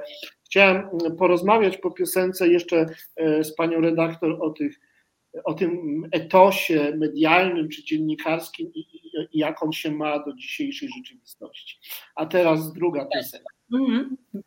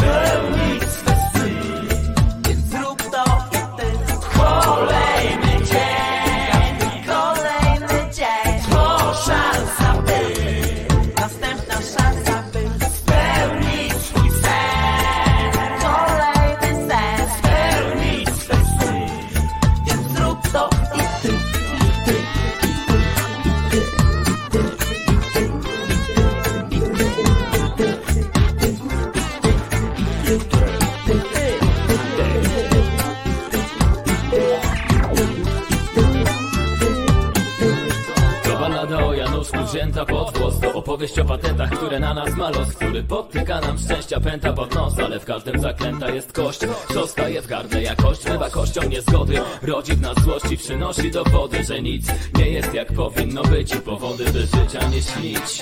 Dla mnie to bzdury, po sobie widzę, że nie pomoże być blisko i bliżej Że każdy miesiąc, tydzień i dzień może być jak najpiękniejszy sen. Więc śmiało zmień swe życie, wiedz dokąd pędzisz I weź się za siebie zamiast narzekać i ględzić. Zawsze jest dobry czas, mówił tu, że w twoją myśl jeden raz Kiedy życie znów odcina mi nogi Kiedy chciałem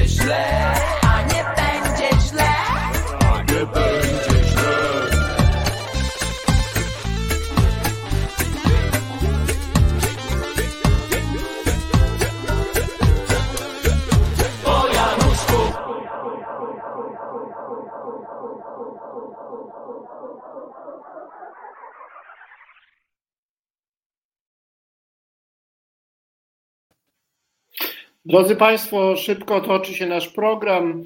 E, Jesteśmy w resecie obywatelskim w programie Mondrale nadawionym w piątki od 17 do 18.50. Dzisiaj jest smutny dzień, drugi dzień wojny, e, którą Rosja wytoczyła Ukrainie. mm, 25 lutego 2022 roku. E, Pani Noe, a może pan Noe02 pisze, Czy pytanie do pana profesora, czy w razie wojny profesor wziąłby broń do ręki i walczył ze świadomością możliwości oddania życia za mm, ojczyznę? Yy, Nie wiem, znaczy nie wiem, czy takich dziadów by tam chcieli na wojnie, ale po prostu nie wiem. To nie są dobre pytania. Nikt nie wie, jak yy, się zachowa i jak stanie na wysokości którego zadania. I to jest nie fair zadawanie takich pytań, na które człowiek nie może odpowiedzieć. Ja w tym pytaniu wyczuwam oskarżenie, że my tutaj jesteśmy tacy od gadania, gadające głowy, a jak przychodzi co do czego, to zupełnie inni się zajmują poważnymi sprawami i się poświęcają, a ci, co naj, najwięcej gadają, to tchórzą i się chowają. Różnie to bywa, panie Noe 02. Z tego, że ktoś pisze, peroruje, e, rozważa, komentuje, wcale nie wynika, że w razie godzinie próby takiej czy innej nie potrafiłby mm, e, tej próbie e, sprostać. A poza tym to nie jest tak, że ten, kto walczy, to ma zawsze rację, bo walczy w obronie ojczyzny. Różna może być ta walka i można w tej walce zrobić bardzo złe rzeczy i już lepiej by nie było, byłoby nie brać w niej w ogóle udziału, a można też nie walczyć fizycznie, ale walczyć inaczej i zrobić więcej walcząc inaczej, na przykład słowem, niż nie jeden na polu walki. Tyle tytułem e, e, kazania pod adresem Noe 02. No i właśnie, to jest dobry, do, dobre pendant do, do tego mojego pytania o rolę dziennikarza. Co to właśnie tylko piórem walczy? Przecież my nie jesteśmy od walczenia, jesteśmy od dociekania prawdy i przedstawiania spraw w dobrej wierze, najlepiej jak to potrafimy, wielostronnie czy bezstronnie, obiektywnie. Wszystkie te słowa oczywiście zawierają pułapki, no ale czym, czym trudniejsze są czasy, tym trudniej jest być dziennikarzem. Nie tylko dlatego, że trzeba odwagi, żeby gdzieś tam pojechać e, ale w ogóle trudniej e, się odnosić do tragicznych spraw, zwłaszcza jak one się nawarstwiają i powszednieją i jedne zastępują kolejne, no głupio nam jest jakoś, no tam umierają na tej granicy białoruskiej, ale my się już tym nie możemy interesować, no przepraszam, trzeba było wcześniej umierać, bo teraz już nie ma miejsca w mojej uwadze, w naszej uwadze dla waszej nowej śmierci. Strasznie trudno jest być tym dziennikarzem w trudnych czasach, a na dodatek tracimy ten monopol na informacje, na komentarz, bo wszyscy są samo autoedytorami, wszyscy są poniekąd dziennikarzami, więc wydaje mi się, że to pytanie jest bardzo pilne dla nas, ludzi, ludzi zawodowo jednak jakoś, sam się też jakoś tam czuję jednak po wielu, wielu latach zawodowcem, y, y, zawodowo parających się mediami, pisaniem, występowaniem, E, proszę powiedzieć, jak pani na to patrzy, jako no jednak bardzo doświadczona osoba, weteranka jakoś tej profesji dziennikarskiej. Ja rozumiem, że pasent starszy, ale no mimo wszystko, jak pani to, na to patrzy, na te zmiany i na, na te nasze powinności, te pułapki, które, które na nas czyhają. Jak dzisiaj tym dziennikarzem należy być? No to znaczy tak, no my trochę, to jest bardzo ogólne sformułowanie dziennikarz i my też y, tutaj się przedstawiamy jako dziennikarze, no takie najprostsze rozróżnienie jest oczywiście na dziennikarzy bardziej od tej strony reporterskiej, informacyjnej, a E, oraz, oraz publicystów, czyli osób zajmujących się bardziej analizą, komentowaniem wydarzeń, komentowaniem trendów i tak dalej.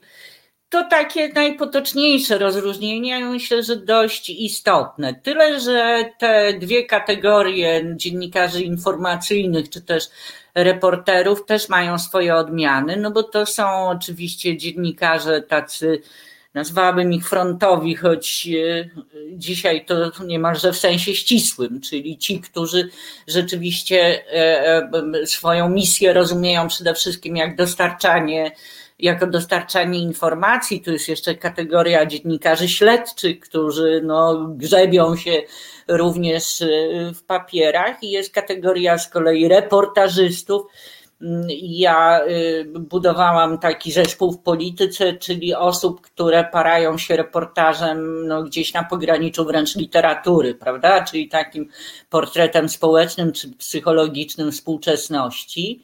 I to jest z długą, dobrą tradycją jeszcze z PRL-u, ten rodzaj reportażu, wtedy pisany takim mezopowym językiem i tak dalej. Od tego zresztą sama, sama zaczynałam przed y, wieloma laty.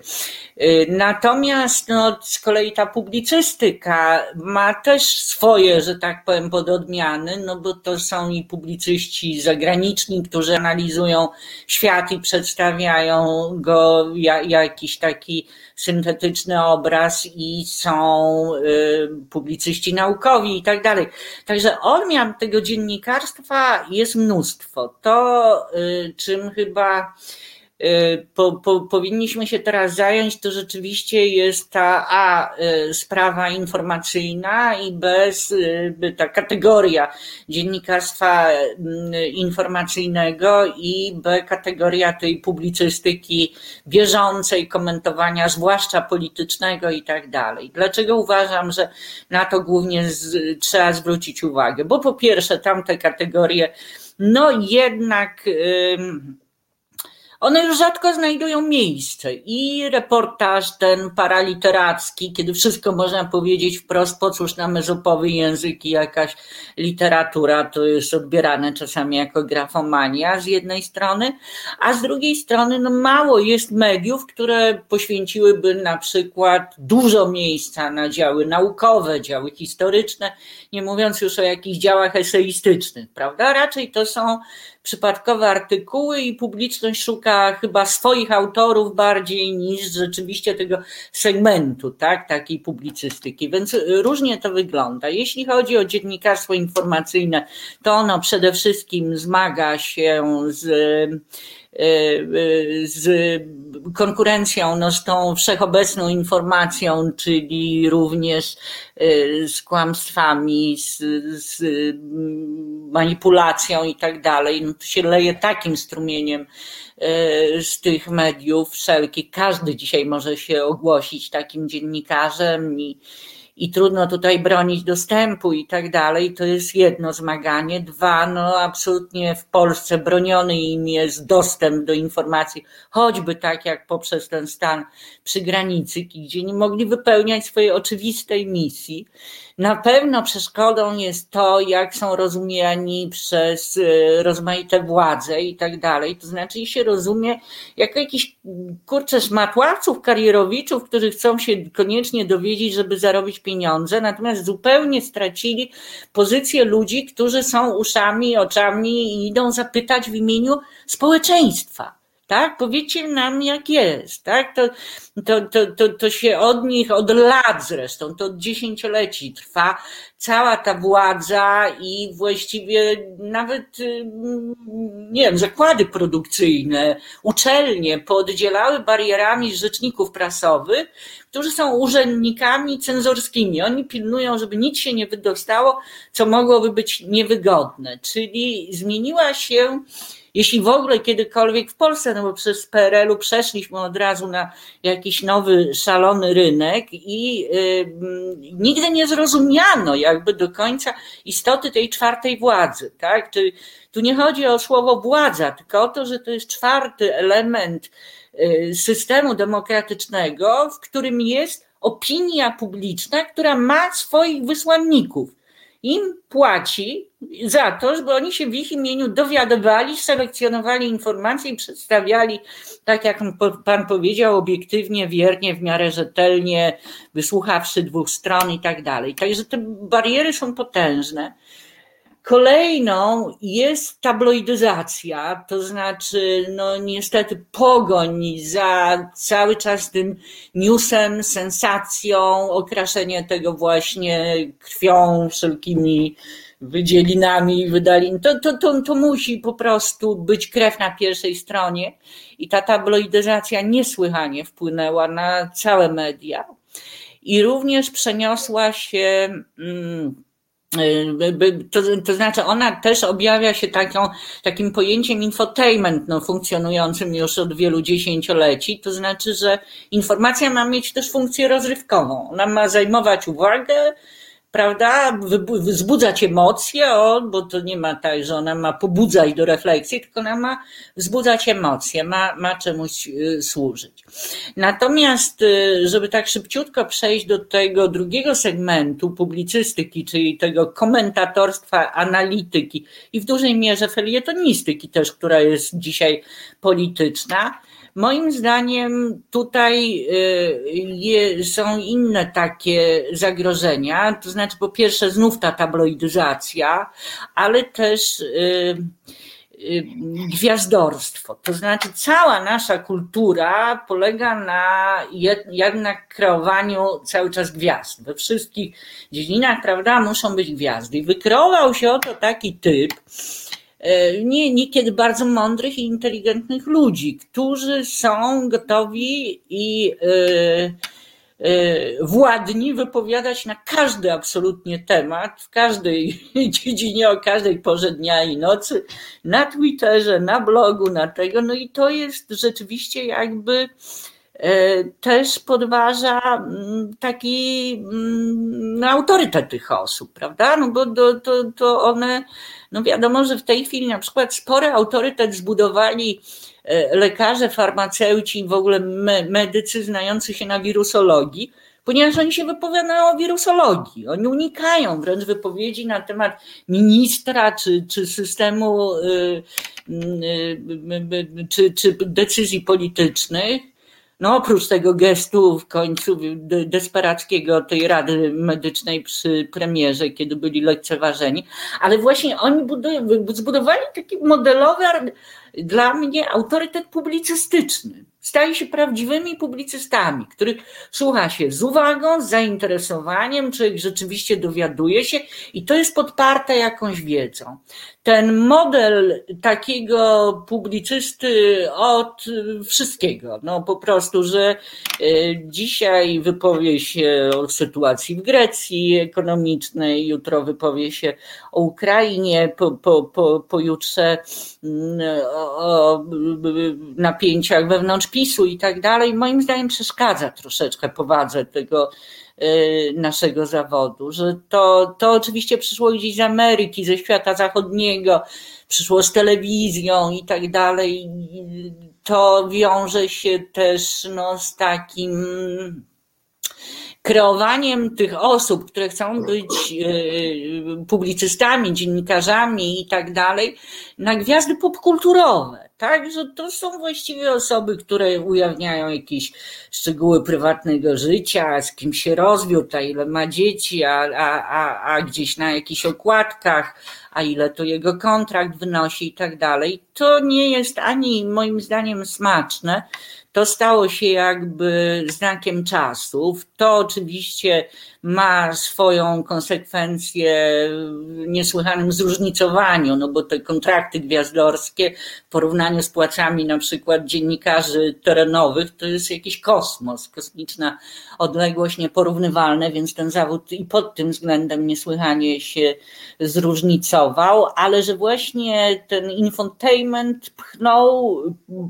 bardzo inteligentnych, mądrych ludzi w stronę właśnie taką popową, taką trochę nie, nie, nie, nie, niepoważną i to obniża mm, y, obniża autorytet całego zawodu. Natomiast to, co jest największą szkodą dla wszystkich odmian dziennikarstwa i tych odchodzących w historię i wypieranych i, i, i, i jakoś tam zdeklasowanych i tak dalej, no to jest biuletynizacja. To znaczy, ja wracam tutaj do swoich początków, początek lat 80., pierwszy festiwal Solidarności, byłam stażystką wtedy w prasie i tak dalej. I to, jak rekonstruuje to marzenie o prawdziwych mediach, tak, demokratycznych, to już ten, no to było kompletnie inne. To nie był, to nie był żaden podział na jakieś dwa obozy, gdzie jedni nazywają się propagandystami tych drugich, a ci drudzy pracownikami mediów i rzeczywiście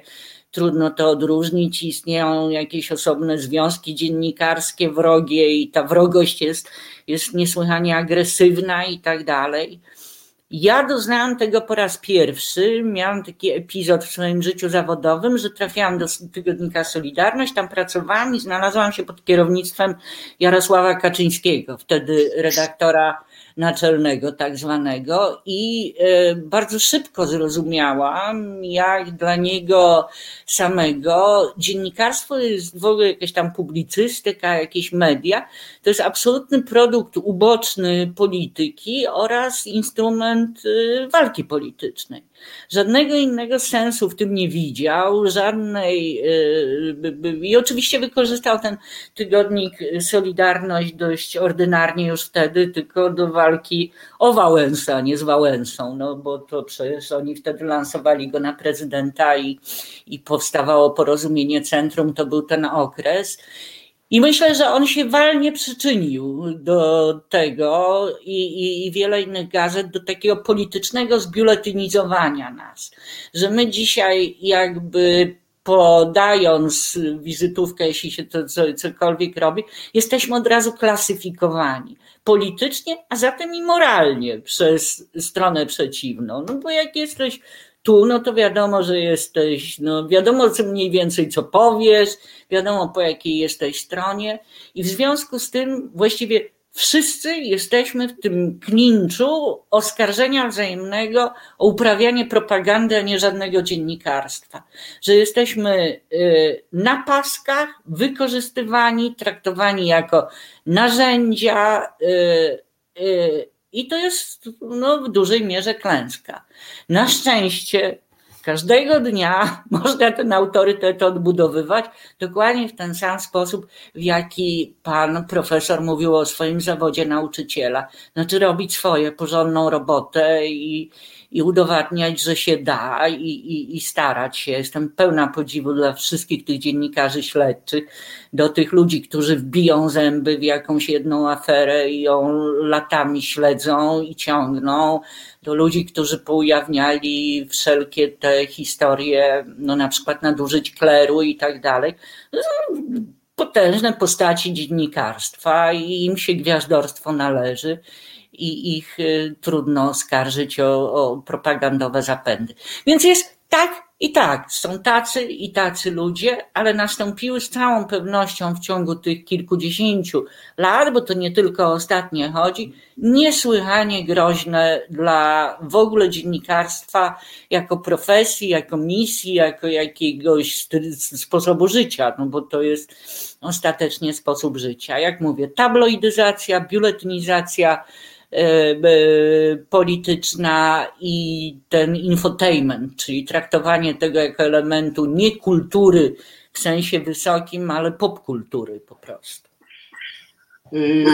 Z naszej rozmowy, która chwili się niestety ku końcowi, wyciągam taki wniosek, że e, w Pani oglądzie rzeczywistości społecznej kluczową rolę odgrywa mm, Y, taki koncept rzetelności i, fachowości, solidności, że to jest coś ponadczasowego i że wiara w człowieka na tym się zasadza, że jest zawsze sporo ludzi, którzy na czymś się znają, wiedzą co robią, y, robią to solidnie, uczciwie i rzetelnie i oni się obronią, moralnie obronią się w każdych warunkach społecznych i że świat pójdzie do przodu, e, e, bo e, i nie zginie, bo jest dość ludzi solidnych i, i, i, i porządnych.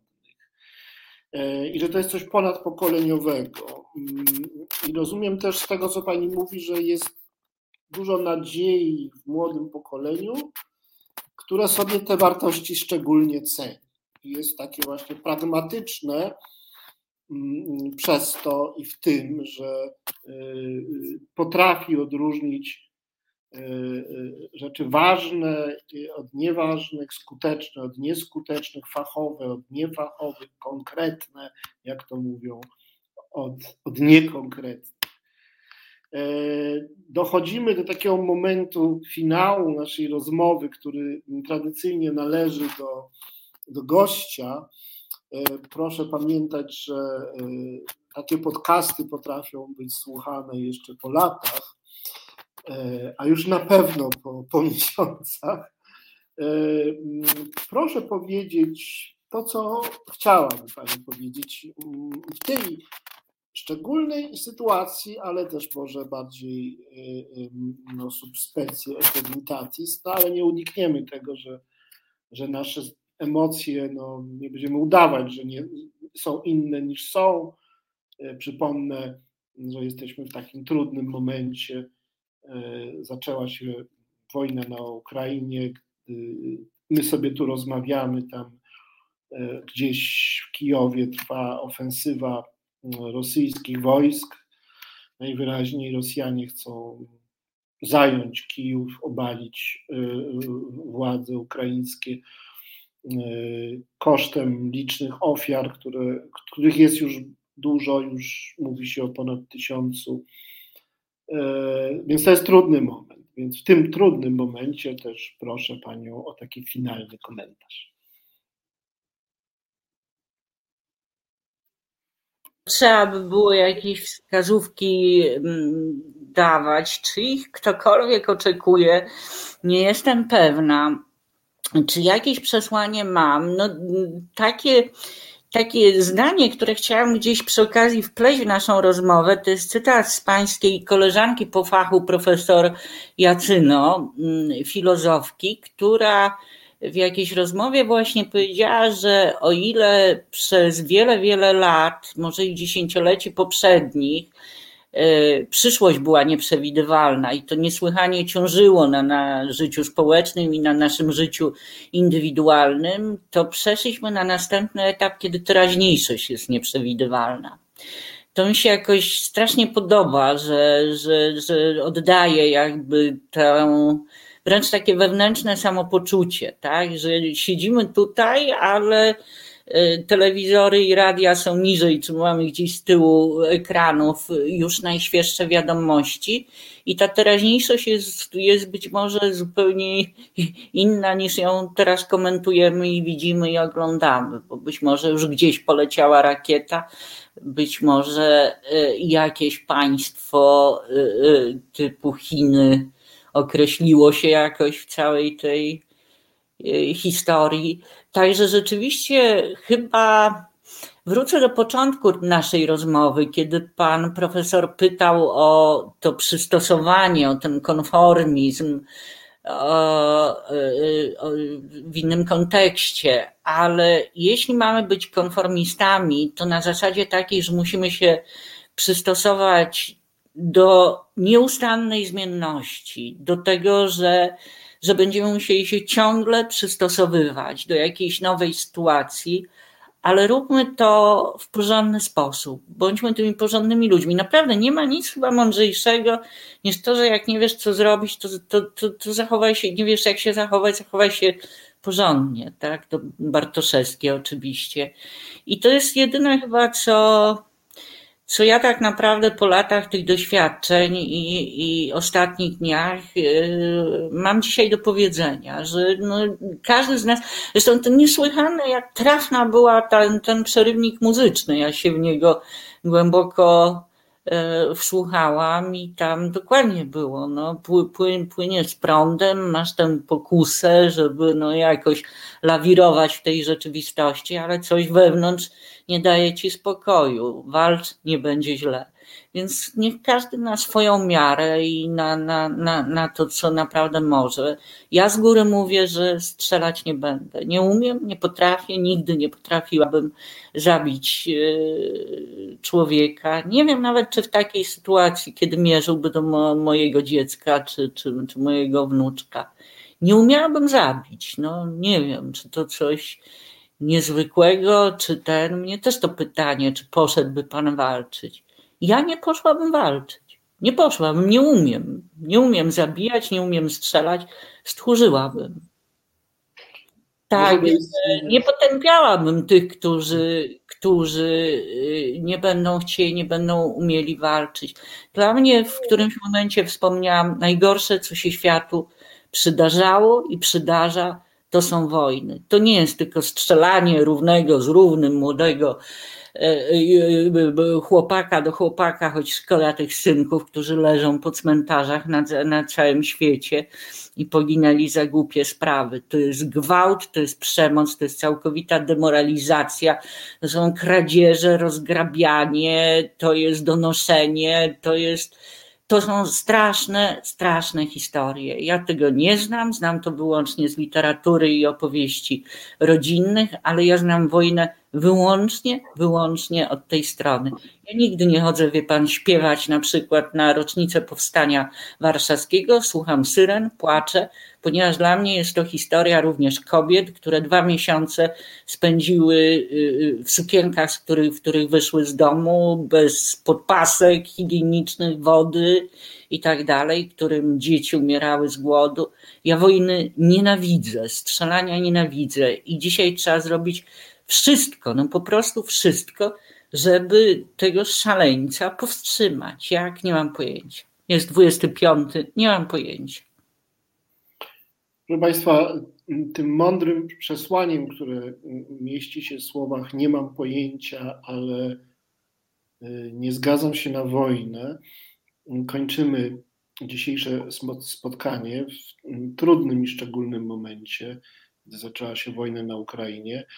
Bardzo serdecznie dziękuję. Naszym gościem była e, pani redaktor Ewa Wilk e, z tygodnika Polityka. Do widzenia Państwu. Do widzenia. Dziękuję.